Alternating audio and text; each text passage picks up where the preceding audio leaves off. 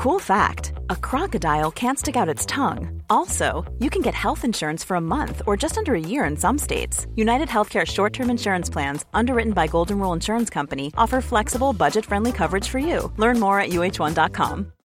Since 2013, Bombas has donated over 100 million socks, underwear, and t shirts to those facing homelessness. If we counted those on air, this ad would last over 1,157 days. But if we counted the time it takes to make a donation possible, it would take just a few clicks. Because every time you make a purchase, Bombas donates an item to someone who needs it. Go to bombas.com slash ACAST and use code ACAST for 20% off your first purchase. That's bombas.com slash ACAST, code ACAST.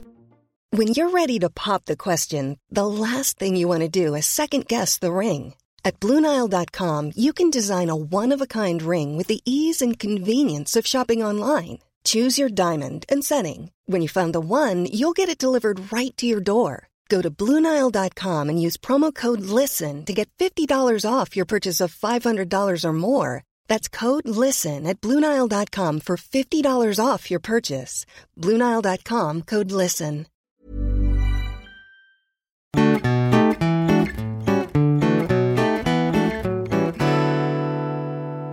Hej och välkomna till Mord i mina tankar med mig Amanda och med Jessica Duselius. Vi är en true crime podcast som Vi- berättar mord för varandra. Ja, förra veckan så sa jag som varje vecka berättar varsitt mord. Ja, jag Nej, men vet. det gör vi inte. Nej, vi tar Ett, det, liksom, ett. Ja, ett mord. Man trodde att man skulle vara tydlig och bra. Ja, Det var inte ens det. Nej. Nej, det går inte. Nej, skitsamma. Ja.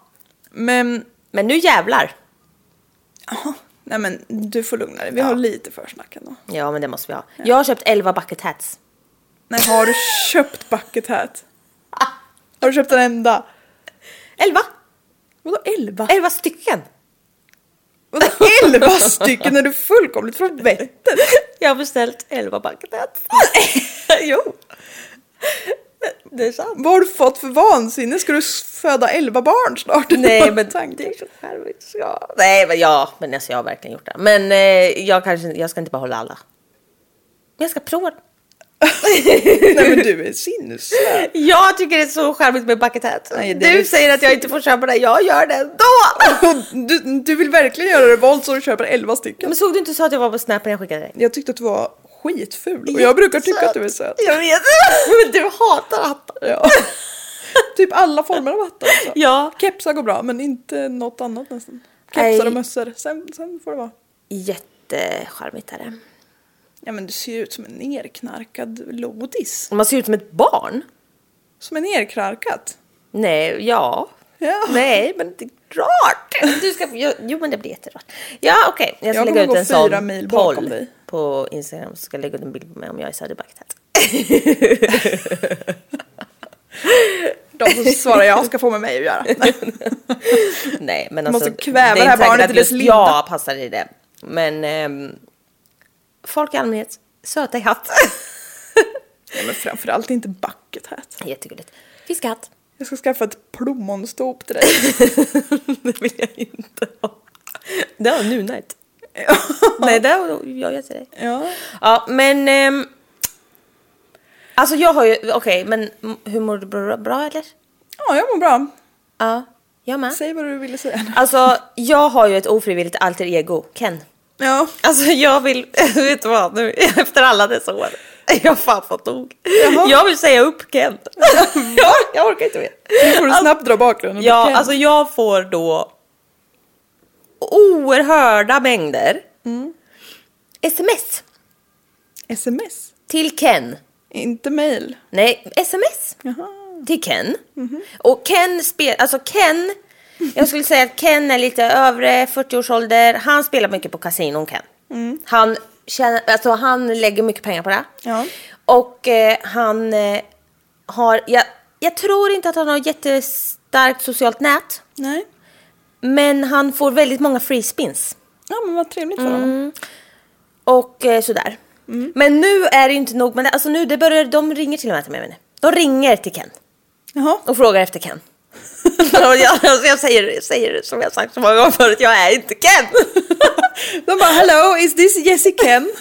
Men men han kom inte Ken. Man bara nej. Bara, nej. Men är det någon som har ett väldigt likt nummer som dig måste det vara som råkar skriva i... Jag vet inte men alltså det måste upphöra nu. Alltså jag är så jävla less på Ken. Jag orkar inte ta hans skit mer. Det är alltså, ju jag du som är- banan för Ken. Jag är, I am done. Du är Ken! Du men på alltså- nätterna förvandlat dig till Åh. en spelmissbrukande man. Ja, Mardröm. ja alltså jag vill inte mer nu. Ken, get the fuck out. Alltså, jag säger bara det. Alltså det här har pågått i så många år. Ja. Så trött nu. Alltså Ken. Ken. Då kommer kronofogden och bara... Men alltså han måste ju, han har ju spelmissbruk Ken. Ja, Ja. Han har med missbruksproblem. stackars Ken. Du kanske ska ge ditt nummer till... jag kanske ska ge min bucket här till, till Ken. ja, det är mer true to character. Ja. Nej, men eh, annars är det väldigt bra. Men alltså jag tror också det är bra med Ken. Men Ja, eh, jag själv börjar bli lite ledsen. Ja. Du vill inte Ken personligen något illa, du vill bara att han ska sluta vara en Nej, del jag av ditt liv. vill... Jag skulle säga att jag vill honom väl. Så du tänker Så nu ge, ge ditt eget nummer till en sluta spela-linje. Ja, typ. ja. Men det är ju för sig inte Ken som... det är ju inte det. Fan, jag skriver in alla som är nästan som mitt nummer. Ja. Är du redo för något storslaget? Ja. Det, här är, det här kommer bli så långt Ja. och så köttigt så... Alltså, bear with me. Ja, men det här ska bli så kul. Ja, det Jag har köpt, eller Kalle har köpt jordgubbar till oss. Och vi kommer melon. behöva... Ja, vi kommer ta jordgubbspaus. Ja, det kommer vi göra. Och det rekommenderar jag att ni gör med som lyssnar för det här kommer ni att känna av. Nej, men det kommer vara jättebra hoppas jag. Men eh, det är långt som sagt så I better start. För att recappa lite då så vad heter det, förra veckan berättade jag om Jesse Anderson och Christopher Scarber som eh, vars öden intertwined korsades. och att de tre arbetar tillsammans med ingen mindre än Jeffrey Dahmer i fängelset. Så jag gick igenom bakgrunden på de två. Jag kommer att gå igenom varför Jeffrey Dahmer sitter där han sitter. Det är en betydligt längre historia. Ja, det är det. Jag tyckte det var jätteroligt förra avsnittet när jag bara Ja, nej men han, han fuckade inte ut på grund av det då? Nej, han gjorde inte det bara. Vadå? Vadå? Så jävla... Du ville så gärna att någon skulle fucka upp och att det inte skulle vara Men det du. var inte på grund av det bara? Nej, han gjorde inte det bara. Vadå? Oh my god. Ja. Men eh, Damer gör det. Ja, alltså han fuckar upp och sen fuckar han ur och sen fuckar han ur det han har fuckat ur och Ja. sen bara bär det iväg. ja men jag är så varm. Ja. Den här klänningen är så bra med, jag sitter, den är jätteskön Mm. och grön.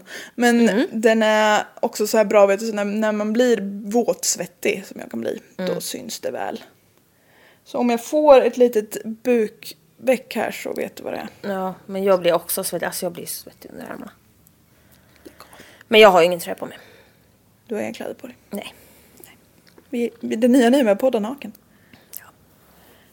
Den 21 maj 1960 i West Allis, Wisconsin föds ett litet gossebarn. Pappa heter Lionel och mamman Joyce. Kolla vad du kan. Lionel var av tysk walesiskt ursprung och Joyce var norsk-irländsk. Vilken bland ras. Nej. What the fuck? Det där var ett rasistiskt skämt, jag tar tillbaka det. Ta bort det, klipp bort det. Joyce arbetade som någon form av maskinoperatör. Typ telegrafskrivmaskin någonting. Jag förstod inte riktigt men eh, jag tror inte det här arbetet finns längre om vi säger så. Nej. Lionel var vid den här tiden student med forskarintentioner på Marquette University inom kemi. En smart jävel. De döpte sin son till Jeffrey Dahmer. Jeffrey Lionel Dahmer. Ja. Du måste ju ändå reagera lite som Ja, att ja, du inte ja, vet allt. ja. Det kommer vara så här, jag kommer hålla upp en liten skylt med applåder och så. ja. Nej men eh, absolut. Ja. För upplevelsen. Ja. Eh, Mamma Joyce ska enligt uppgift här då ha lidit av hypokondri och depression. Och det gjorde ju att hon själv behövde mycket uppmärksamhet. Och också att hon hade svårt att ge så mycket uppmärksamhet till sitt barn. Lionel, han eh, behövde vara väldigt mycket på universitetet. Eller han jobbade väldigt mycket helt enkelt. Och var därmed sällan hemma. Och när han var hemma så krävde ju krävde eller behövde Joyce ganska mycket av hans uppmärksamhet. Och alltså det står i källorna att Joyce försatte ofta sig själv i panikliknande ångestsinnesstämningar. Ja, men det är det man gör med flit. Ja, eller hur? Ja, då, det känner jag igen. Ja. Jag tänker nu är det dags att må lite piss. Ja. Nu är det dags att känna som att man ska dö Ja. en stund och få en liten infarkt fast det var bara en attack. Ja, nej men det. Ibland framkallar man ju det själv. Var det Ja, men, Ja, det här är nu fick bara- jag en stroke också. Ja, oj. Ibland framkallar man det hos sig själv. Nej, men... Du kan, det är din superkraft att du kan framkalla stroke hos dig själv. Ja, jättebra. Jättebra. Ja. Nej, men det var ju konstigt formulerat skulle jag vilja säga. Ja, eller hur. Och, men ja, kvinnor är ju hysteriska. Hysteriska varelser. Ja. Eh, jag, jag ska, du kanske ska prata mer om hennes mående? Ja, från och till, men lägg gärna till någonting. Ja, men hon, hade, alltså, hon var ju deprimerad och grejer och hon stängde liksom sig ofta in i sitt sovrum. för precis. att man orkar, alltså, man orkar ingenting när man har en depression. Och hon, eller det, det är olika, men hon, för henne var det så. Hon hade en ganska djup depression. Ja, verkligen. Och eh, alltså Jeff fick ju verkligen lära sig att när hon har lagt sig där, då stör man inte. Så han, han fick ju vara mycket själv. Och hon var ju liksom inte en elak människa. Nej, hon gjorde ju aldrig någonting mot Eh, Nej, honom. det var bara alltså. det att hon var inte kapabel liksom. Och så är hon också ensam. Så han, han liksom, han fick ju inte så mycket som sagt. Nej, hon var sjuk. Ja. Men hon hade nog liksom gjort jävligt klart för att när jag går in här då, Håller du det borta? då håller du borta. Jeffrey har själv sagt att det, han minns ifrån tidig ålder att det var väldigt mycket bråk mellan föräldrarna. Och att han kände sig liksom osäker på familjen överlag, liksom om det skulle hålla ihop. Det var liksom Mm, det en kändes osäker... inte tryggt. Nej, precis. Det var liksom ingen god stämning, måste jag säga. Men eh, Jeffrey lyckas hålla sig ganska normalt till ungefär fyra års ålder. Tänka sig. Innan man börjar ty- typ kunna uttrycka sig överhuvudtaget. Men då behövde han opereras för dubbla brock. Ja. Det är ju jättekonstigt, det får ju typ inte barn. Nej, jag vet. Det är jätteovanligt. Och brock är ju typ inälvor som försöker bryta sig ut ur kroppen. Eh, han, fick inte han pungbrock? Eller ljumskbrock? Möjligt. Mm. För jag vet att de opererade honom i the genitalia area. Ja, Och men det det, var- är nog för han var ju rädd för att de skulle skära av honom penisen. Ja, det var jättetra... Förlåt som du ska ha. Nej, men kör. Ja, nej men eh, för jag vet att han... Alltså han, det, han har pratat om att det har varit... Eller det var väldigt traumatiskt för honom och det förstår jag för att det är jätteobehagligt. Men det kändes också som så här... Det hände någonting då. Ja, när de precis. skulle liksom in och, och gröfsa i hans private part liksom. Det vart inget bra. Nej, Det vart ett trauma. ja exakt. Och vissa källor säger också att han liksom eh, inte fick, han vart inte liksom, han, för han var fyra år, det sa jag kanske. Men han vart liksom inte förberedd riktigt på det här ordentligt. Utan Nej. det vart mer som att oj, nej, men nu ska du in på operation, så vippen hej. Och för vilken fyraåring som helst är ju en... Nej men det blev liksom- ju typ ett övergrepp. Ja men precis, Ja. det vart ju jättekonstigt. Ja. Så det vart ju trauma. Det, det är inte konstigt. Ja, och jag vet att de liksom tog, om det var någon podd jag lyssnade på så tog de det ur sammanhanget att han hade sagt det här med att åh men vad händer om en läkare skär av mig eh, Mm. snoppen? Ja. Och det är liksom taget ur sitt sammanhang så låter ju det helt, Befängt. Ja, Bara, precis. Varför skulle någon göra det? ja, Ja men så var det ju absolut inte. nej. För grejen är att hans barndom är inte så jäkla konstig. Nej. Men det, Han vart som sagt lite konstig efter det här. Eller lite konstig. Men det var ett trauma för honom som sagt så han vart lite inåtvänd efter det kan Ja, man han säga. vart ju jättepåverkad av det. Ja, vilket man kan förstå.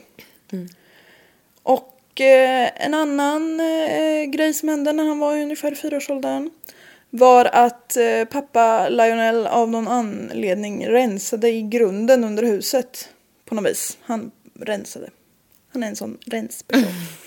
Och då plockade han fram massa ben från liksom, döda djur som eh, typ något skunkbo eller vad fan det var under huset. Jag kommer inte ihåg. Men det var nå- några djur som hade ätit några andra djur under huset så han plockade fram ben och la en hink. Och det här tyckte Jeffrey var otroligt intressant. Han blev liksom helt så frälst i de här benen. Och det liksom var, han lyfte benen och släppte dem så att de liksom klickar mot varandra. Jag kan ändå förstå för det är ett härligt ljud. Ja. Men eh, det var liksom, han älskade det där ljudet och det här var starten på en livslång fascination kan man säga. Han liksom ville undersöka kadaver som han plockade isär och undersökte alla små inälvor och ben på. Och, ja, han la de här i, jag ska säga att han aldrig dödade några djur, du kan vara lugn. Nej. Ja precis, för det var kadaver, alltså typ djur som redan var döda i skogen eller överkörda eller vad tusan de kan ha varit. Han dödade i alla fall inga djur själv. Enligt uppgift. Han kanske ströp någon mus en gång, vad vet jag. Men Nej, det gjorde han inte. han ville liksom plocka isär de här djuren och ben och små kroppsdelar. Han tyckte om att förvara det i små burkar. han, han håller ju på för att vara barn. Han hade de här i garaget och han, undersö- han var liksom väldigt fascinerad av ben även på levande djur. Så inte att han slet den, men att han liksom så här kände hur de satt ihop och vart de gick och så här. Får jag bara säga en sak? Då, Hans pappa, alltså grejen är att han var ju, han var ju väldigt inåtvänd. Our little Jeff. Och eh, hans pappa ville ju också väldigt, väldigt gärna främja, alltså hans pappa är alltså han, guld, människa. Mm. Och han ville ju gärna liksom främja ett intresse hos Jeff och då kom, blev det där lite gemensamt, alltså det låter ju helt sjukt men han var då och plockade isär kadaver. Men alltså han var ju kemist pappan. Precis. Och de pysslade ju mycket med alltså, kemiska grejer och hur upplöser man det här? Alltså så här, mycket sånt och liksom, ja ah, men hur funkar det här? Och säkert med anatomi och ben och grejer. Och när alltså, jag förstår verkligen det. När man märker att fan, men den här ungen har hittat någonting som är lite intressant. Det är väl skitbra? Ja. Nu liksom, ja men jag menar vadå alla som tycker det här är liksom det blir inte så här bara för det. Nej. Men eh, man vill ju gärna säga han just en massa djur och därför blev han så här. Ja. Men eh, ja. Nej, alltså jag tänker också alltså. Man kommer väl ihåg själv att man tyckte det var häftigt med ben. Alltså när, när man hittar något ben. Och Mm. Ja men det var skitfränt. Jag kommer ihåg Ja. när vi var på fågelskådning. Ja, och då hittade du en man, död man, fågel. Ja men typ man hittar ju alla Vad djur förutom den fåglar. döda fågeln? Nej men alltså vi hittade ju en massa jävla kranier och skit. Det var ju skitfränt. Det var ju ingen som, alltså fan vi skit i de jävla fåglarna som flög om en jävla kikare. Ja. Vi grävde ju ben. Ja. Det var ju skitfränt. ja, men man tyckte ju det var häftigt som liten. Så jag, Ja. Alltså det är klart att om man håller på och vänder och vrider så tycker man väl att det verkar jätteläskigt. Men Mm. det var nog inte så himla farligt. Nej, och pappan som sagt tyckte väl det var jättekul om de kunde göra någonting. Eller lära Ja, sig de om kemi tillsammans. Precis. Ja, och För det, pappan är ju, om man kan kemi så är, kan man ju liksom basic biologi också många Ja. gånger. Ja, och han, Så. alltså det var ju så jävla konstigt är det ju inte om man tänker så. Men Nej. Nej, jag tycker inte det heller. lite konstigt kanske. Men. Ja, det är väl... Men det är väl också kanske att oftast så har väl inte barn en förälder som är väldigt duktig på naturvetenskap. Nej, nej. Så om det hade varit vilket annat barn som helst så hade de inte kunnat utveckla det här intresset så Nej. mycket för föräldrarna inte kunde så mycket. Nej. Nu råkar han ha en pappa som var väldigt duktig och då utvecklades det här intresset. Men så är det med alla. Kan föräldern någonting så är det väl lätt att utveckla det. Mm. Japp, japp, japp, japp, japp. Som sagt, jag har skrivit här också att pappan var kemist så han tyckte att det var jättekul att eh, han, eh, eller Jeffrey intresserade sig för någonting som han kunde hjälpa till med. Sådär. Så de liksom blekte de här benen. Han, liksom, han är ju fortfarande överbesatt av ben. Och han liksom kallade de här benen sina fiddlesticks. Och det är ju typ alltså sådana smala lekklossar om jag fattar rätt. Ah, ja. Alltså typ, jag, jag tror att vi kallar dem för kaplastavar. Ja, gud jag hade glömt vad de hette. Jag såg dem verkligen framför mig. Ja, Såna hade jag hos min dagmamma. ja bästa skit. Så byggde man jättehöga Ja, man byggde allt möjligt. Och så kunde man också göra som någon sån här domino-grej. Bara drrrr. Ja, fantastiskt. Ja. Han hade ben istället. Ja. helt normalt. Man tager vad man haver. Ja. Så Kajsa Berg. Ja. Och ja. På tal om ben och djur och det. Aha. Eh, hans granne hade en hund som dog. Ja, Ska vi prata om det? nej säger du. Ja. Men det, vad heter det, han hade ju ett känslomässigt band till den hunden. Så den, vill han, den var han ju liksom inte intresserad av att undersöka. För det tyckte han var obehagligt. Ja. Han vill inte plocka isär något han tyckte om. Nej. Men lite gulligt ju. Ja. Jag tänkte också på det hundhuvudet som man satte upp på en liten påle. On display. Det skedde också. Senare sen. Det vet jag inte, men han var barn i alla fall. Gjorde han? Ja. Ja, det är inte jag som har sagt det här. Det här är källor. Och Varför gör de så? Kemper satte ju katthuvud på en påle. Ja, det kanske är någon... En grej. Men det var ju inte grannens hund i alla fall. Nej, det var det säkert inte. Det var någon annan hund. Det var en annan hund som man inte hade känslomässigt band till. Ja, precis. Det var skillnad. I skolan så var Jeffrey lite tyst och tillbakadragen. En lärare ska ha sagt att hon liksom kunde se att han, eller sagt, hon skrev det på hans eh, betygskort. Alltså hans första liksom utlåtande eller betyg så skrev hon typ som ett lite så här allmänt omdöme att han är smart och sådär men han, det är tydligt att han känner sig neglected liksom, oönskad eller oälskad. Stackars människa, människobarn. Och den här känslan att han kände sig liksom, jag vet inte om han kände sig oälskad eller om han bara kände, kände sig osedd i överlag liksom. Så den förstärktes ju när hans eh, lillebror David föddes. För ett spädbarn går ju inte att, om man inte vill vara typ misshandla och nästan döda det barnet så måste man ju ge det uppmärksamhet. Men också Joyce mådde lite bättre då. Ja, man gör ju ofta det när man får, eller mm, ofta, det finns de som mår bättre när de blir gravida för att massa hormoner släpps ut och det blir bra. Men även när hon födde, alltså. För hon orkade ju typ inte när Jeff var liten. Nej. Men hon, hon var ju liksom bättre i sitt skick om man säger när lillebrorsan föddes. Så det, alltså, han såg ju också bara att det var en väldigt stor skillnad på honom och brorsan. Fast Ja, det var det ju egentligen inte men hon, hon hade mer ork till att ge mer Ja. då. Ja, jo det är Så. alltså, han har ju inte haft den absolut bästa barndomen men den har inte varit så illa som han blir så att säga. Nej. Och det var ju då Jeffrey som fick välja namn till David. Det tur att han valde något normalt. Eller ja, föräldrarna kan ju i och för sig ha ratat de första 14 förslagen. man. Barn kan nog typ så här, jag vill att det ska heta Päron. Nej. Broder Päron. Jag ska heta Jabba the Hutt. Jabba the Hutt Thyselius. Jeffreys pappa, han har skrivit en bok som heter A Father's Story om hur det var under Jeffreys uppväxt. Har du läst den? Nej, Nej. Han ifrågasätter sig själv jättemycket. ja, jag har lyssnat på en eh, intervju när han är med i Opera. Ah. Och då så pratar han om det att han liksom, eller, och jag har läst ett litet utdrag ur den. Men då resonerar han liksom, ja men om han liksom, eftersom han inte var jättenärvarande som pappa och att han inte var så känslomässigt närvarande eller att han inte visade så mycket känslor för sina barn, typ att det kan ha bidragit och Och så pratar han också om att det kan ha varit, för Joyce gick ju på lite mediciner och grejer och Ja. att hon var liksom också frånvarande på sitt sätt. Eh, så, ja men han resonerar, Lionel är ju otroligt vettig. Ja, jag tycker, alltså, jag tycker väldigt mycket om honom. Ja. Han verkar väldigt Och, bara att han liksom verkligen, han har rannsakat sig. Saker som förmodligen inte spelade någon roll. Mm. Går han ändå igenom och bara, jag kanske borde ha gjort så här. Alltså väldigt... Ja. Och jag, eh, vad heter det? Känns som en kvinna typ. Han resonerar som en kvinna. Ja, lite så. Ja, för han var ju liksom också så att han...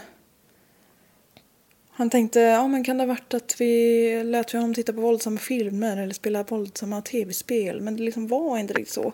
Nej. Värre än något annat barn. Nej exakt. Och så pratade han liksom om att är det någonting ärftligt i mig som liksom har hoppat över mig som jag har gett till, mina, till honom och jättesynd om honom. Men eh, efter att Jeffrey, Jeffreys pappa och Lionel säger också att efter att de fick reda på vad Jeffrey hade gjort så typ var det som att hans, Jeffreys barndom liksom försvann. Så alla minnen de har ser ju de i ett helt annat ljus nu. Ja. Så det blir ju liksom, de har ju inte bara förlorat sin vuxna son utan de har förlorat hela tiden Ja, gud vad hemskt. fram till det också. Ja. För det blir som du säger att han tänker så här, "Ja, men sku- om jag hade gjort så hade han inte gjort det här då eller.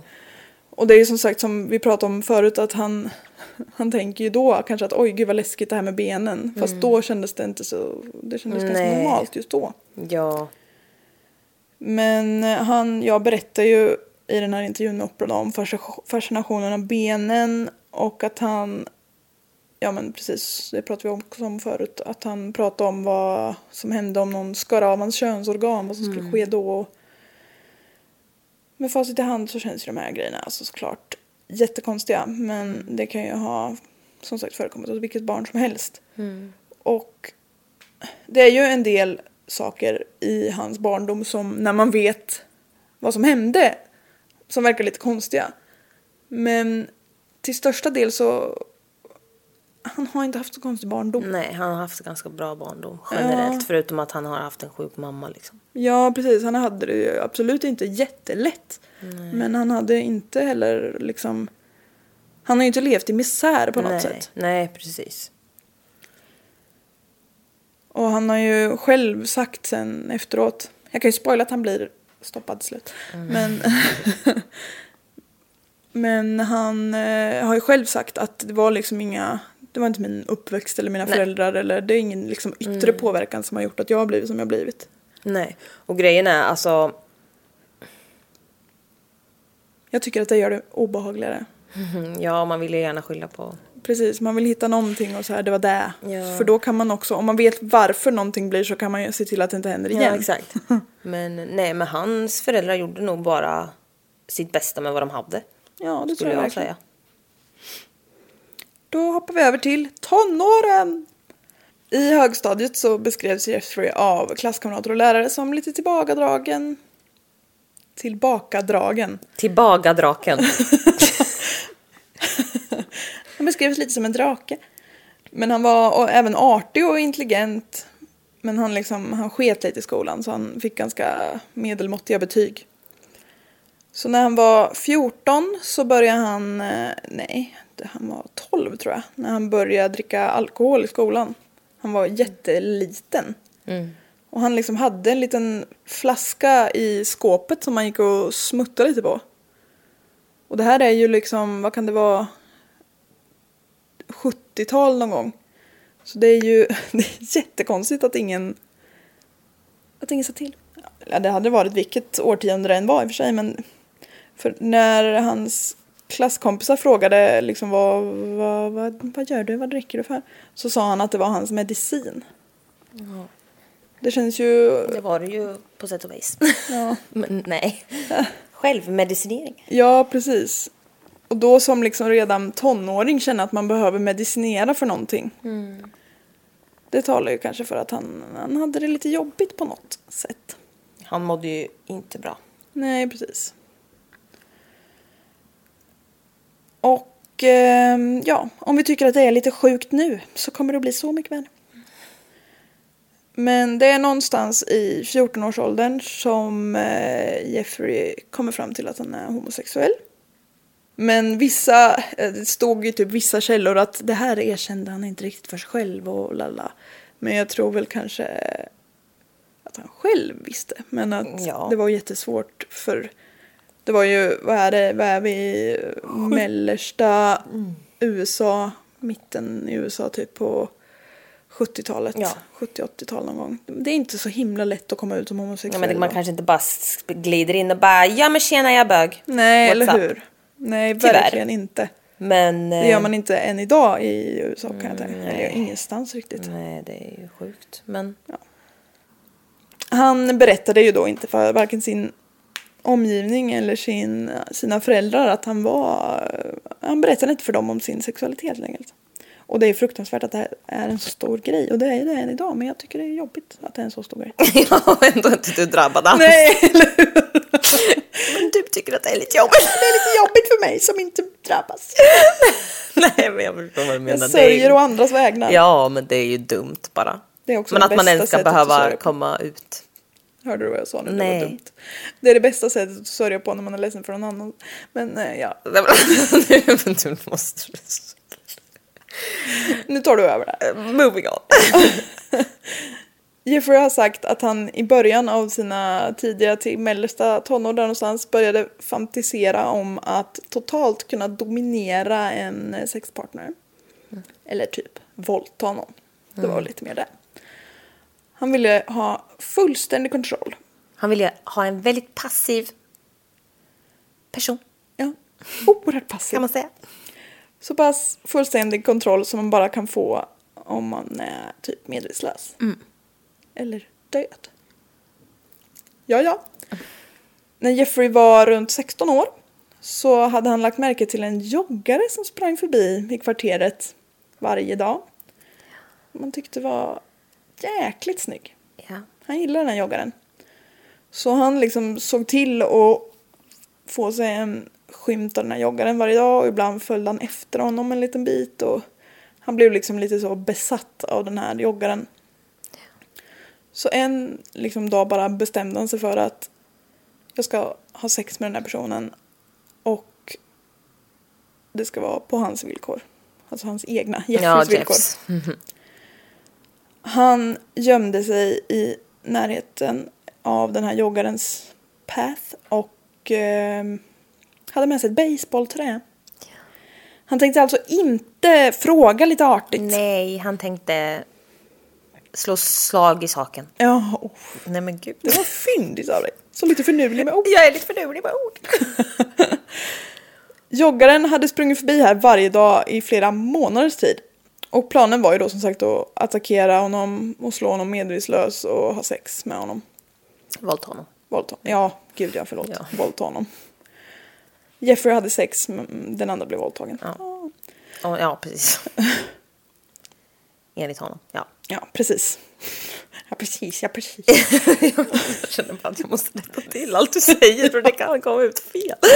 men, men I got Det you kan komma back. så mycket tack. Jag vet ju vad du menar. Ja, Kanske inte alla andra gör. Nej, det är bra.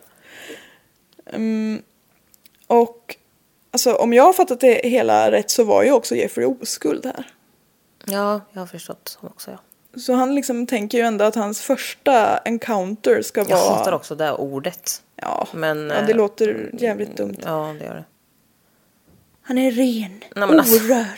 Fy fan. Fy fan. Finns det något bättre ord? Jag, jag, jag tänkte ju säga det, använder man ett annat ord ens? Han är oanvänd. Nej, Nej men fy fan. Men oskuld är ju så jävla förlegat. Ja, Vadå skuld? Ja men. Nej men får lägg av bara. Han har Jag ska inte... inte... säga det någon mer gång. Nej, men, nej men han har inte haft sex med någon. Nej. Han, han är osexad. Ja. Ja. Jeffrey väntar i de här buskarna jättelänge. Men joggaren har bestämt sig för en liten vilodag idag. Ja det är helt jävla sjukt. Det är så sjukt. Man får såna Fatta att chills. vara den jäveln. Ja. Det finns ju inga, liksom, inget om den här personen någonstans. Att den har liksom... Men han det vet ju. jag. Han vet att det är han. Ja, det gör han ju säkert. Men Alltså han har ju säkert så här, du vet, han var ju sjuk eller någonting. ja. Eller har vrickat sin fot eller någonting. ja eller typ Eller att han bara... Nej, jag känner inte för det här idag. Jag... Fast vet du vad, det tror jag inte. Tror du? Jag tror, nej, jag tror inte han är en sån person. Nej. Han joggade varje dag i flera månader. Do you even hear? Alltså han har... Herregud. Det här är nog Den disciplinen. Det är en sjuk person. jag är så avundsjuk på honom. Ja. Önskar. Vi har gjort det här varje vecka i... Vi har disciplin, en annan typ av disciplin. Ja, exakt. Men den här joggaren i alla fall, han blev inte ihjälslagen av Jeffrey Dahmer. Nej. Och inte våldtagen heller. Jäklar vilken tur han Ja. Sensmoralen i historien är... Jogga, Jogga inte! jogga inte samma slinga varje dag i lång tid. Och ta många vilodagar. Ja. Det kan rädda ditt liv. Ja. Ja. Och håll dig också långt ifrån närliggande buskar. Jeffrey hade alltså planerat att ta sitt första offer som 16-åring. Ja, det är sjukt. Men så blev det inte. När Jeffrey var 17 så hade hans betyg blivit ganska dåliga. Hans föräldrar försökte hjälpa honom genom att anlita en sån här hemmalärare har jag skrivit. Men vad heter det? En sån tutor. Ja, en, en, en hemma. En lärare som kom hem och hjälpte till lite grann. Läxhjälp. Ja, men det hjälpte inte heller. Han var ju också aprak hela tiden, Jeff. Ja, han, han, ja, han är ju liksom Hans alkoholism i... Du, liksom, från 12 års ålder. Ja, jag tänker så här, så här, ju mer du berättar, t- tänker bara att det bara eskalerar. Ja, han är ja. ju alltså full-blown alkoholist när han är liksom jätteung. Ja, ja. Hela tonåren är ju en enda alkoholist. Dimma. En enda dimma. Bland kompisarna så ansågs han ju fortfarande vara lite så här tystlåten och konstig. Men han var också klassens clown. Ja. Vilket den som är lite tyst och tillbakadragen kanske inte alltid är. Men han hade lite så pranks för sig. Som är så konstiga. Och det kallades, det blev liksom en grej. Så det kallades to do a damer. Att liksom göra ett prank, då gjorde man en damer. Men det här kunde ju vara allt möjligt. Från liksom låta eller skrika konstigt vid inappropriate times. Typ bräka. Vilket också är ett oerhört bra ord på svenska. Och så kunde han låtsas att han fick liksom epileptiska anfall Ja. och låtsades vara funktionsvarierad på olika sätt. Och, ja, men alltså, Ja, men det var ju väldigt så här problematiskt. Men jag Ja. skrattar bara för jag vet, alltså. det var inte så PK. Nej, och alltså, nej precis. Han la sig och bara, alltså typ så. Ready to pop the question? The jewelers at BlueNile.com have got sparkle down to a science with beautiful lab grown diamonds worthy of your most brilliant moments. Their lab grown diamonds are independently graded and guaranteed identical to natural diamonds, and they're ready to ship to your door. Go to BlueNile.com and use promo code LISTEN to get $50 off your purchase of $500 or more. That's code LISTEN at BlueNile.com for $50 off. BlueNile.com code LISTEN. Millions of people have lost weight with personalized plans from Noom, like Evan, who can't stand salads and still lost 50 pounds. Salads, generally, for most people, are the easy button, right? For me, that wasn't an option. I never really was a salad guy. That's just not who I am. But Noom worked for me. Get your personalized plan today at Noom.com. Real Noom user compensated to provide their story. In four weeks, the typical Noom user can expect to lose one to two pounds per week. Individual results may vary. skaka och skrek och grejer och de typ hetsade honom ju också att göra det på så här konstiga ställen och Ja men exakt. så det blev ju verkligen en grej som han och, och folk tyckte ju så här, "Åh, han är galen, han var kul, vi kan Ja, skratta precis. åt honom och med honom. Så typ han blev ju hetsad att göra det. Ja, och han blev ju liksom på det sättet, på ett slags populär kan man säga att han blev. För det var, det var kul att hänga med Jeff för då händer alltid något konstigt liksom. Ja. Och det är ju, jag tycker det är en ganska tydlig sån här, han, han vill ju vara med. Han vill ju passa Ja in men det är lite grann. klart att han vill. Men han, äh, han passar inte riktigt in. Men han gör så gott han kan. Och att han är aprak gör ju inte hela lättare. Nej men han har ju svårt med interaktioner mellan människor så kan man ju säga. ja, det, Han finns på spektrat. det kan vi säga. Ja. Där kan vi placera honom. ja det kan vi göra. det, det, Helt skamlöst. det tar jag mig rätten till. Ja. Han är med. Han är med. Doktor, legitimerad psykolog Jessica. Hobbypsykolog. Han är med på spektrat. det stämplar vi in. Så. Så. Under hela Jeffreys uppväxt så bråkar hans föräldrar. Lionel och Joyce försöker rädda sitt äktenskap och gå på tera- parterapi. Men till slut så får de ändå liksom erkänna att det här funkar inte riktigt. Nej. Lionel... Nej, Joyce var ju också enligt Lionel då otrogen en liten runda. Och då kände de väl att nu, nu får det satan vara så 1977, alltså när Jeffrey var 17, så skilde de sig. Och eh, Lionel bodde till en början på ett eh, motell. Och så, och så fick Joyce och David då, lillebrorsan, fick lite tid på sig att flytta ut ur huset. Och de flyttade till några släktingar i Wisconsin, alltså samma delstat. Och eh, Jeffrey bodde kvar med Lionel i huset. Men sen dröjde det inte så himla länge innan Lionel flyttade därifrån. Så Jeffrey bodde kvar själv. Ja. Så han blev liksom typ lämnad av sin pappa där. Ja, alltså. Han hade nog kämpat ganska länge. Men han drack ju, alltså Jeff drack hela tiden och tog liksom inte hjälp. Och skärpte sig aldrig. Nej, pappan hade Han stod ju helt handfallen till slut. Ja. Men eh, det var ju drömmen för en 18-åring att bo själv i ett hus. Som har alkoholproblem. Det är Mm. Ja, det är ju jättebra. Han, Jag förstår att pappan inte kan hjälpa honom, det förstår jag. Men han behöver ju liksom, han behöver ju gå för fan, han behöver ju ett tolvstegsprogram. ja precis, ja men han behöver ju AA och allt det där. Ja. Men tre veckor efter att Jeffrey avslutar skolan, för han har ju hunnit fylla 18 nu och eh, kör på. Så kör han lite bil och han kör förbi en ung liftare på vägen hem. Jeffrey beskrev att den här barbröstade 18-åringen Steve Hicks tände en åtrå i honom. Ja. Det är alltid sex med i sån här skit. Ja då. Han plockade upp den här Steven som eh, hade för avsikt att lyfta till en rockkonsert. Och ehm, ja men vad härligt. Ja. Och erbjöd honom att följa med hem och eh, dricka lite öl och hänga typ. Och det var ju drömmen för han bodde ju själv i ett stort hus. Ja, och så känner jag också så här en 18-årig kille som hänger med en annan 18-årig kille. Ja det är inte så konstigt. Nej, det är inte Eller? ett dugg konstigt. Nej. Alltså jag menar så här som tjej är man ju alltid livrädd. Ja. För man blir ihjälslagen hela tiden. Men eh, som kille, alltså det är så himla... Nej men det, och på det liksom 80s, 70s där, det, det gick så bra. Det är liksom, ja precis, det bjuder, att bo själv i ett hus bjuder ju på möjligheter som kanske annars inte hade funnits, så att säga.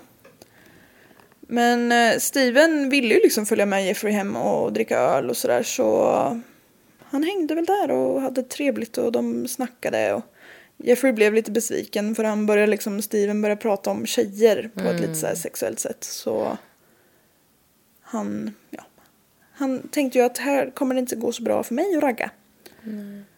Men eh, de satt och snackade som sagt, drack öl, lyssnade på musik och sen liksom efter något dygn, han var där ganska länge för mig, så tyckte Steven att nu, nu åker jag vidare, nu ska jag, nu ska jag iväg. Det vill inte Jeffrey. Så istället för att kanske sådär snällt, snällt be honom, eller i alla fall hota lite subtilt om att han skulle vara kvar, så tar han en 4,5 kilos hantel och slår i bakhuvudet på Steven. Tills han blir medvetslös. Och när han ligger där på golvet så lägger han ju liksom hanteln över halsen på honom och stryper honom till döds. That escalated quickly. Alltså grejen är ju att alltså, han är ju så rädd att han ska vakna Ja, efter slaget liksom. som panikstryper honom lite. När Steven är död så upplever Jeffrey den sexuella längtan av full kontroll. Alltså det där liksom för över honom. Han har ju fantiserat om det här jättelänge. Så han klär av den här stackars Stevens kropp. Och han är, han är liksom upphetsad och känner på den här kroppen och liksom så här orr. Ja, men Han liksom är som en upphetsad katt. Ja. Eller som en upphetsad man. Ja, ja. Fast jag liksom ser framför mig hur han är så liksom som en tonåring mer. Att han är så... Åh fy. Han är ju en tonåring också för all del. Men, ehm, usch, ja. Han eh, ställer sig också och runkar över det här liket. Sen går han och lägger sig. Ja, det var inte så jävla jobbigt sådär tyckte han. Dagen efter så tar, Jeff, tar Jeffrey ner Stevens kropp i källaren och tillfredsställer sitt stora intresse för anatomi. Passande. Han liksom styckar inte bara den här kroppen utan han undersöker den ju bit för bit. Och sen begraver han den här kroppen i en liten grundgrav baksidan av huset. Sen efter ett tag så kommer han på att det är ju inte helt optimalt att ha en grav på tomten. Det är lätt för liksom polisen att upptäcka det där. Så flera veckor senare så tänker han att jag gräver nog upp det här ändå. Alltså, det är så äckligt. Det är så himla äckligt. Så förnedrande för den här stackars Ja, killen. det är ju griftefrid Deluxe. deluxe. Men eh, Det är inte griftefrid. nej, det är brott mot griftefriden. han ger honom bara lite griftefrid. Nej, men han eh, liksom passar på att utnyttja de här små kunskaperna som han lärt sig av sin pappa. Alltså hur man skiljer kött från ben. Eh. Och han liksom gör det här i någon form av syrablandning som han har lärt sig kokat ihop. Och det blir ju liksom sörja kvar den här skiten. Som han spolar ner i toaletten. Ja, Det är ju som gelé typ, eller vad ja kanske fy sa. fan. Och simsalabim så var det borta. Benen liksom krossar han till pulver. Pulver, Och sprider ut i huset. Eller bak, i huset, bakom huset, i skogen där. Swish. Så var det liket borta. Ja. Stephen Hicks var då Jeffrey Dahmers första offer. Och det hände 1978 och han blev 18 år gammal. ja, det är så fruktansvärt hemskt. Sex veckor efter mordet på Steven så hoppar Jeffrey på college för att få sig en liten examen i business tänkte han. Han hade ju fortfarande de här alkoholproblemen. De har hängt med stadigt. Och eh, det var ingenting han tänkte släppa vid första taget. Han liksom i stort sett sket i det här med college. Han, han var mest där och söp. och han fick inte godkänt i några kurser förutom i gevärsskytte. Jaha. Ja, det fick han eh, faktiskt B i. Ja, det är bra. Ja, och det är ju självklart att någon som ska ha examen i business också behöver kunna Så gevärsskytte. jävla relevant. Det är också så jävla USA att Ja. kunna så här, välja till en kurs med gevärsskytte. Riktiga män kan skjuta med vapen. Riktiga män kan skjuta sina businesspartners. En gång när Lionel gjorde en, alltså pappan Lionel gjorde en liten så surprise visit, eller ja det var hans eget hus men eh, han liksom ville överraska sonen så han kom hem, Jag tror närmare bestämt att det är farmors hus. inte än. Nej, okej. Jag tror faktiskt att han bor i eh, pappans hus fortfarande. Nu, okej, okej. Wait for it. Ja, ja. Sorry. Spoiler där. Sorry! Men eh, han vart ju lite besviken då för han fann ju Jeffrey totalt utslagen och det var bara fullt med tomflaskor överallt. Mm. Och det blev bara en termin på college. Ja, alltså det Han. Mm. liksom klarade inte av det. Han fick inte godkänt i kurserna så han kunde fortsätta och sådär. För han liksom, han... Alltså det är, det hela allt det här är ju bara mörker. Ja. Alltså det är ju liksom inte... Alltså Men från han, att han är tonåring så är det svart sen. Ja, Ja. Och det blir, vi, vi ska säga, vi är 50 shades of grey och vi är på väg ner mot svart kan vi säga. ja, precis. Just nu är det nästan vitt i jämförelse. Mm, ja, ja, det blir värre. Ja. Men Lionel tänkte ju ändå att fan Jeffrey, nu, du får inte bara ligga hemma och supa, du måste göra någonting. Så då sa Jeffrey att ja men då går jag med i armén. Ja men vad bra. Det är ju lösningen på alla världens problem. Ja, i USA så tror man det. Och liksom Lionel tyckte väl också att det lät bra för disciplin och Ja, regelbundenhet och det är någonting att göra. Ja, han har ju folk omkring sig hela tiden Ja. och det, det är säkert många som har blivit hjälpta där på, med olika saker. Mm. Och i början på sin militära karriär så bedömdes, bedömdes Jeffrey som liksom medelmåttig till något över medelmåttig soldat. Jag har ingen aning om vad man bedömer riktigt Mm. men det är också lite typiskt så eh, om man har ett beroende att i början går det bra. Ja, För då har man liksom massa motivation sen så trillar man liksom dit igen. ja. Men han eh, tjänstgjorde i alla fall- som någon form av medic, alltså medicinare, medicin, läke, läkekonst. han var som, vad heter det? Healer. Ja. Han var healer i eh, Armén. Ja. han gjorde det så bra. Först så var han ehm, i Texas och sen blev han förflyttad till Tyskland.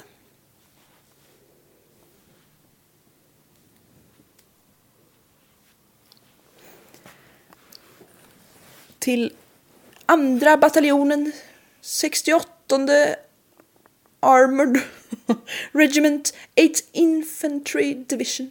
From Birmingham alive. From Birmingham alive! ja. ja. Min engelska är... Den drar åt brittiska. ja. Första året i militärtjänst gick, eh, det gick ändå bra. Han liksom tog sig ändå... Han fick vara med så att säga. Men eh, sen var det sponken igen va? Han tog till sponken. Ja. När jag kom på... Skattefria dunken. Skänkglädje. ja, ja, skänkmod. ja, Ett litet så musiktips från er sida. Skattefria dunken. Det är riktigt så raggarlåt. Den lilla dagen. När blev du white trash? ja, men det har jag alltid varit. Så det var ju så en gång, jag, jag sa det till Kalle, jag bara, kan jag gå så här till jobbet? Han bara, ja, vadå då? Jag bara, men det ser trash ut. Han bara, vi är väl trash? ja, så gick jag. Man ska ha självinsikt. Sponken i alla fall, den skänker värme och mod.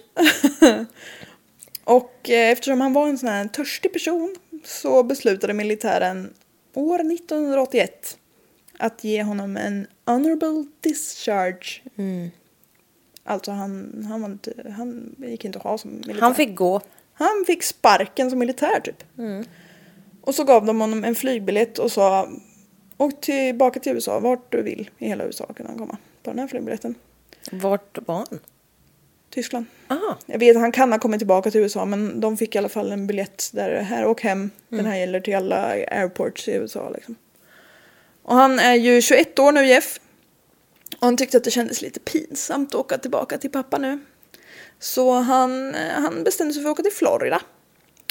Dels för att han ville åt så lite värme och han ville leva på eget bevåg. så han, ja, han ville flytta. Och han flyttade då till Miami Beach. Ja, lite festligt sådär. Ja, lite festligt. Om han bara hade gått med i CSI Miami så hade vi haft en helt annan historia att berätta. Jeffrey tog inte anställning på CSI Miami. Nej. Men han fick jobb på en liten delikatessbutik. Och så hyrde han ett rum på ett närliggande motell. Och det här för, som vanligt så fungerade det bra i början, ett litet tag. Men sen så greppar han hårt om den här flaskan och släpper den inte.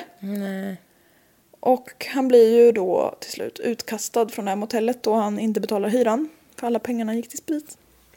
Sprit är dyrt, till hans försvar. Ja, precis. Till hans försvar så vill jag faktiskt säga han har ett väldigt oekonomiskt beroende. För beroenden brukar ofta vara väldigt Mm, oekonomiskt. heroin är inte billigare om man säger Nej, så du tycker ändå att han är lite ekonomisk? Kunde varit värre. När han inte hade någonstans att bo och eh, liksom, ja, han hade inget jobb och inga pengar så då fick han ju liksom kasta in handduken igen här och bara flytta tillbaka till pappa. Pappi. Pappi Lurre. Ja, Pappi Luringen. Och pappa, de flyttade ju runt lite i familjen men just nu vet jag i alla fall att de bodde i Ohio. Bodde i Ohio. Ohio. Ohio. De bodde med Ohio. Jag tror inte ens han var född. Jeffrey fortsatte att dricka. dricka som en alkoholist. Även när han kom hem till sin pappa och eh, nu stepmom också. Lionel har gift om sig. Bara tre veckor efter hemkomsten så åker Jeffrey dit för drunk and disorderly conduct. Alltså att han var full på stan. Och det får man inte vara. Så då fick han 60 kronor, nej. 60 dollar i böter. 60 kronor! 60 riksdaler. och 10 dagars villkorlig dom. Alltså om han missköter sig så skulle han åka in i finkan i 10 dagar. Pappa Lionel, han försökte ju så mycket att hjälpa honom att bli av med det här missbruket. Men det gick inte så bra. Så därför beslutar Lionel att skicka Jeffrey till farmor Så var det. i Wisconsin. För Jeffrey tyckte om och respekterade sin farmor väldigt mycket. Så liksom pappan trodde att om man skickar honom dit så kommer hon kunna hjälpa honom liksom att få rätt. ska nå honom på ett annat sätt. liksom. Precis. Så han flyttade dit i december 81, 21 år gammal då. Och redan i början på 1982 så lyckades han, vara, så lyckades han få jobb. Och det var ju väldigt mycket tack vare att farmor hjälpte till att styra upp honom lite grann. Han drack fortfarande men eh, lite mer kontrollerat.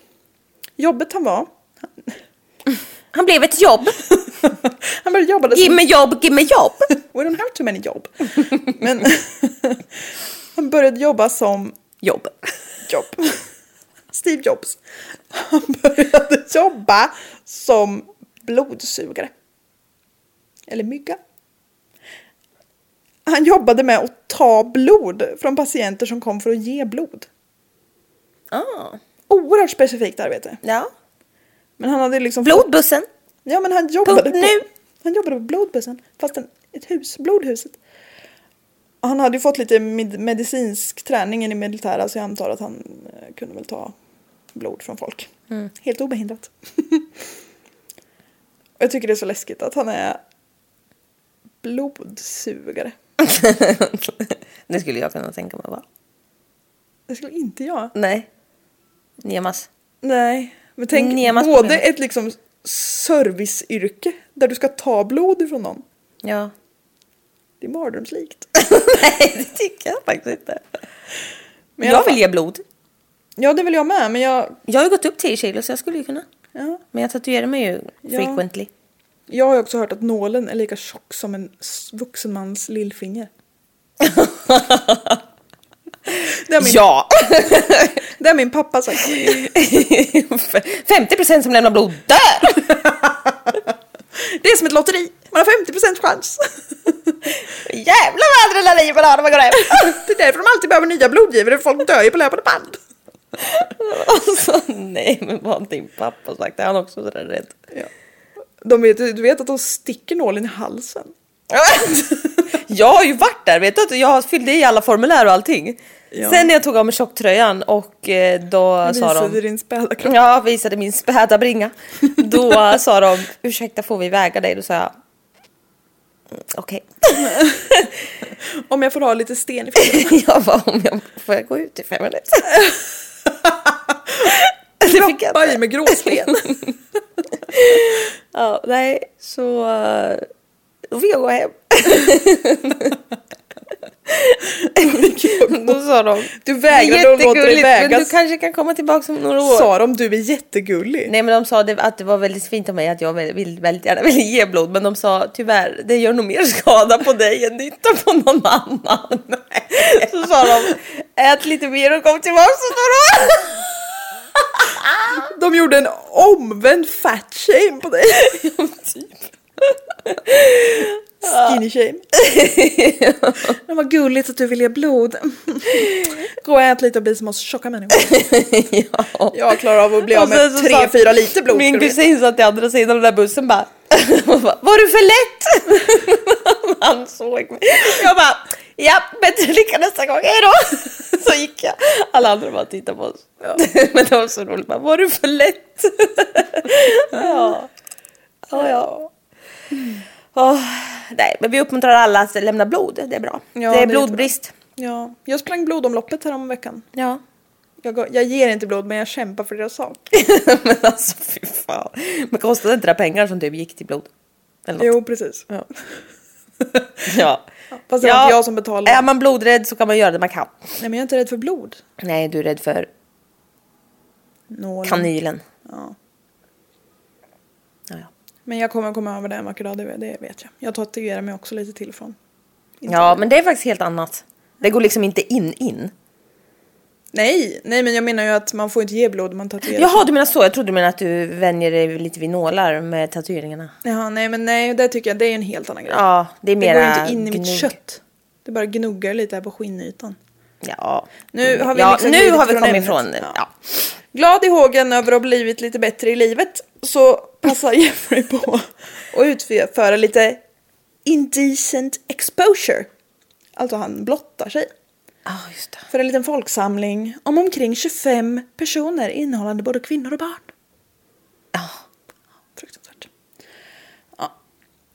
Jag tänkte säga något jättehemskt. Säg det. Så klipper vi bort om det är inte så kul. Jag tänkte säga, hoppas det var Jehovas. Att det var... Nej. Varför då? Jag vet inte, jag känner bara något skit ska de ha tillbaka. Kan inte seriemördare börja blotta sig för er? Nej, men jag vet inte. Du önskar dem så mycket ont. Det grövsta du kunde komma på. Ja, det var ändå ganska snällt. Ja. Det kan vi klippa bort. Det kan man klippa bort. För det här så fick han ju 50 dollar i böter och lite rättegångskostnader. Så han tyckte det var lite värre än det innan. Inte mycket. Det måste ju vara bland det dummaste brottet också att blotta sig inför många personer. Ja, men det är så jävla dumt. Men alltså jag känner också så här, bara, "Åh, du blottade där och här och där. Alltså man har ju hört det skitmånga som bara... Här och där och här. Ja men typ så här, har, hade, när man var liten hade en blottare i deras hemstad. Typ så. Ja. Alltså man bara... Den lokala blottaren. Ja men typ, man bara what the fuck. Alltså där börjar, alltså det slutar aldrig där. Nej. Alltså snälla, det är ju liksom eh, Det är som Anders Eklund. Ja. Nästa liksom. Ja, det är ju Englas mördare Ja. för de som inte känner igen bara namnet. Men ja, fruktansvärt. Så eh, om du märker att någon blottar skjuter dem Ja och direkt. det här Peeping Tom. Ja, Alltså. Peeping Toms. Det slutar heller aldrig där. Pippin Pops. Peeping Pops. Alltså du säger, så mycket, du säger så mycket svåra ord. Det är alltså en fluktare. Ja, en fluktgluttare. En gluttare kanske det heter. ja. Fluktare. Någon som spejar lite på damer. I Ja, ofta. omklädningsrum. Ja, Ja, eller genom deras fönster typ. Ja, Mm. ja speja på någon bara som inte vill. Jeffrey, det är honom vi pratar om här Mm. om vi har glömt bort det. Jeffrey jobbade i alla fall som sån här myggperson i tio månader innan han blev uppsagd. Och det var liksom inte på grund av honom själv utan det fanns inte jobb kvar till honom. Det var i alla fall... Det fanns inte blod kvar att ta. Precis, blod, slut. Allt var blod var slut. Folk hade dött. Ehm, Efter detta så går Lill-Jeff arbetslös i två år och lever som en liten parasit på sin farmor. Och eh, ja, alltså han är ju, han har ju ett missbruk absolut men jag känner också på, jag fick en känsla av att han också är ganska lat. Som i att han inte vill ha jobb riktigt. Ja. Jag vet inte riktigt heller men ja. Vem är jag i situationen? I sammanhanget. I januari 1985 i alla fall. Så får en 25 år gammal Jeffrey Dahmer anställning på en chokladfabrik. Jeffrey Dahmer och chokladfabriken är ändå en film man vill se. I would watch it. I would watch I it. would definitely watch it. Ja. Han arbetade då natt sex dagar i veckan, ledig lördagar.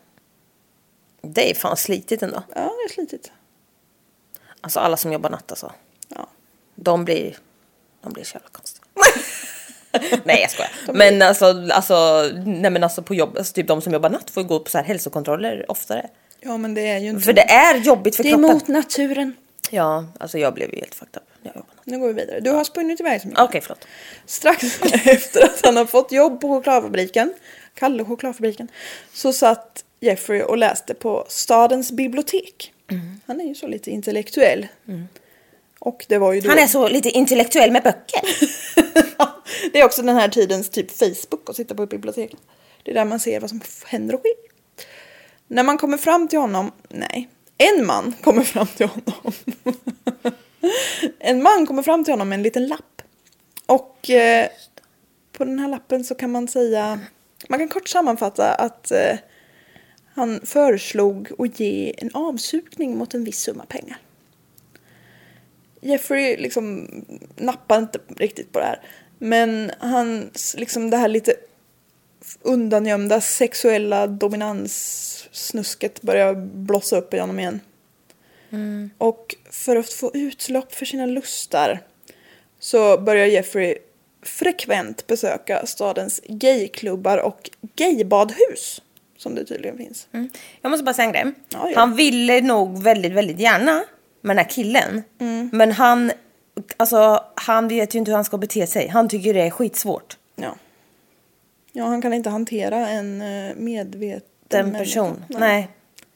Så det är ju liksom hemskt. Ja. Han, han panikade ju över det här liksom. ja.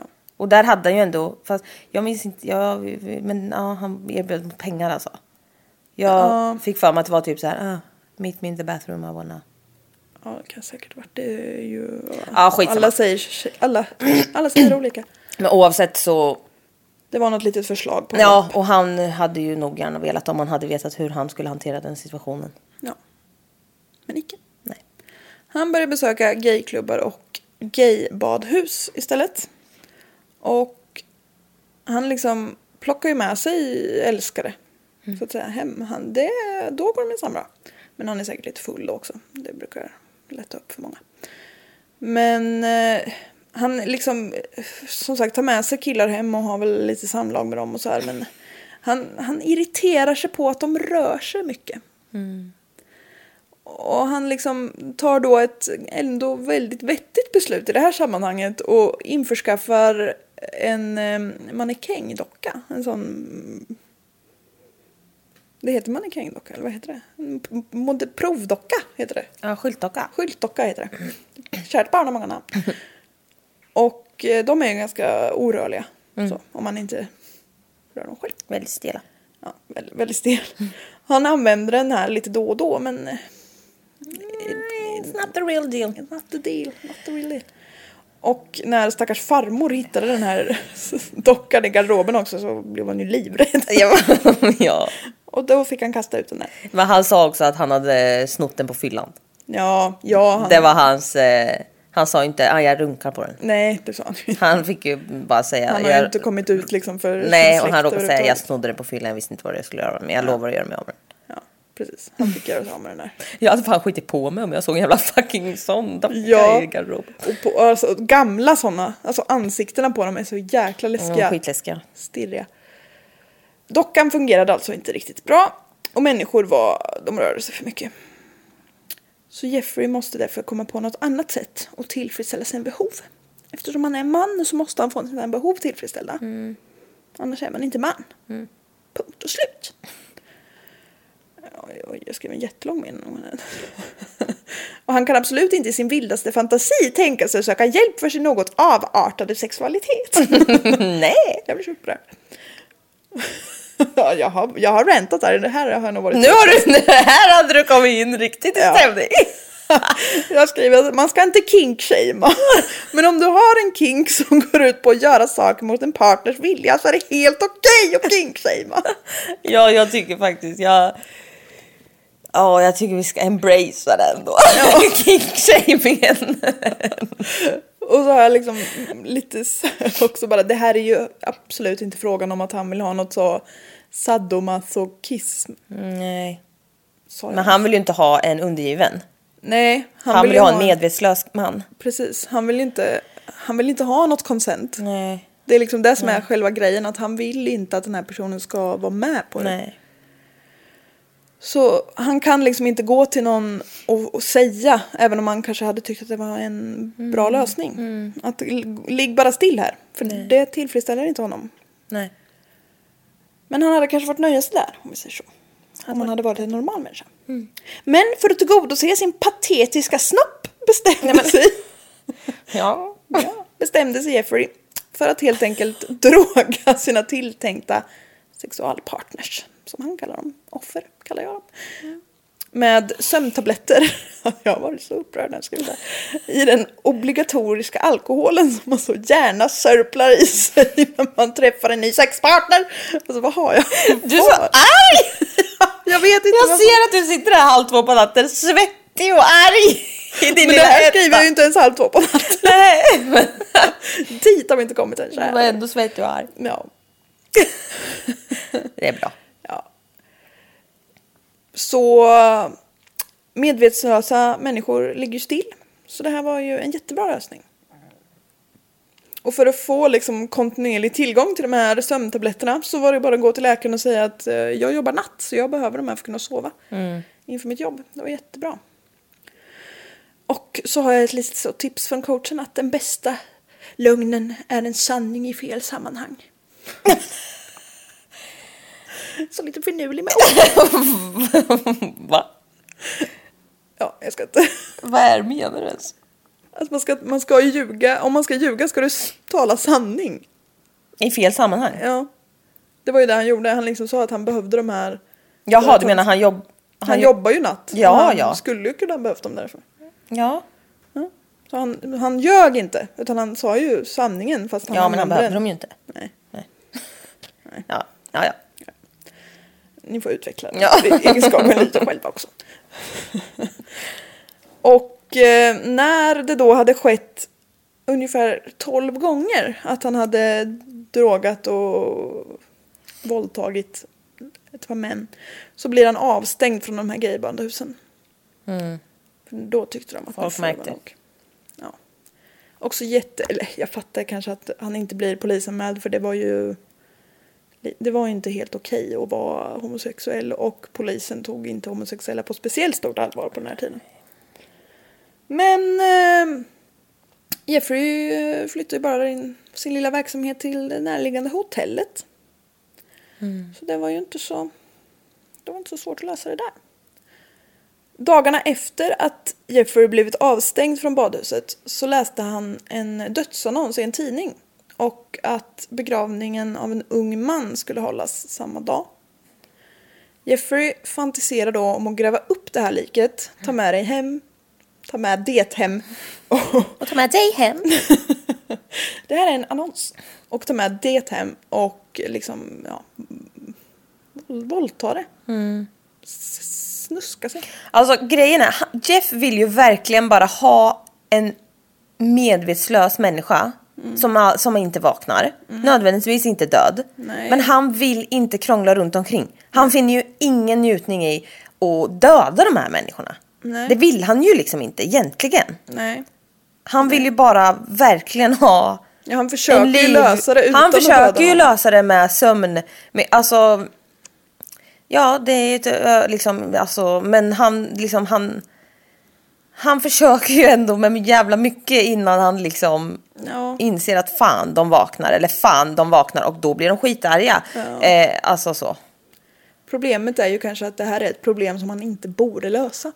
Precis. Det är ju där det är där som liksom det brister. Ja.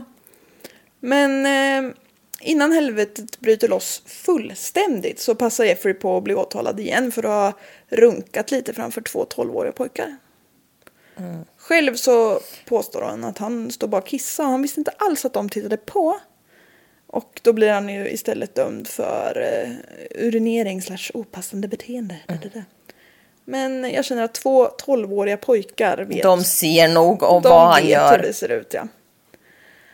Men eh, det är ju då efter det här som, eller ja, det är inte på grund av just den händelsen, men efter det här nu, då, då går det brant åt helvete. Mm. Och det tänkte jag berätta om nästa vecka. Ja! Vi har bara kört en timme. Ja, visst har vi det. Ah, nu fick jag kramp. Ah, ja, då är det bra avsluta. Hej då! Eh, vi hörs nästa vecka. Det här kommer bli tre delar. Ha det gött. Hej!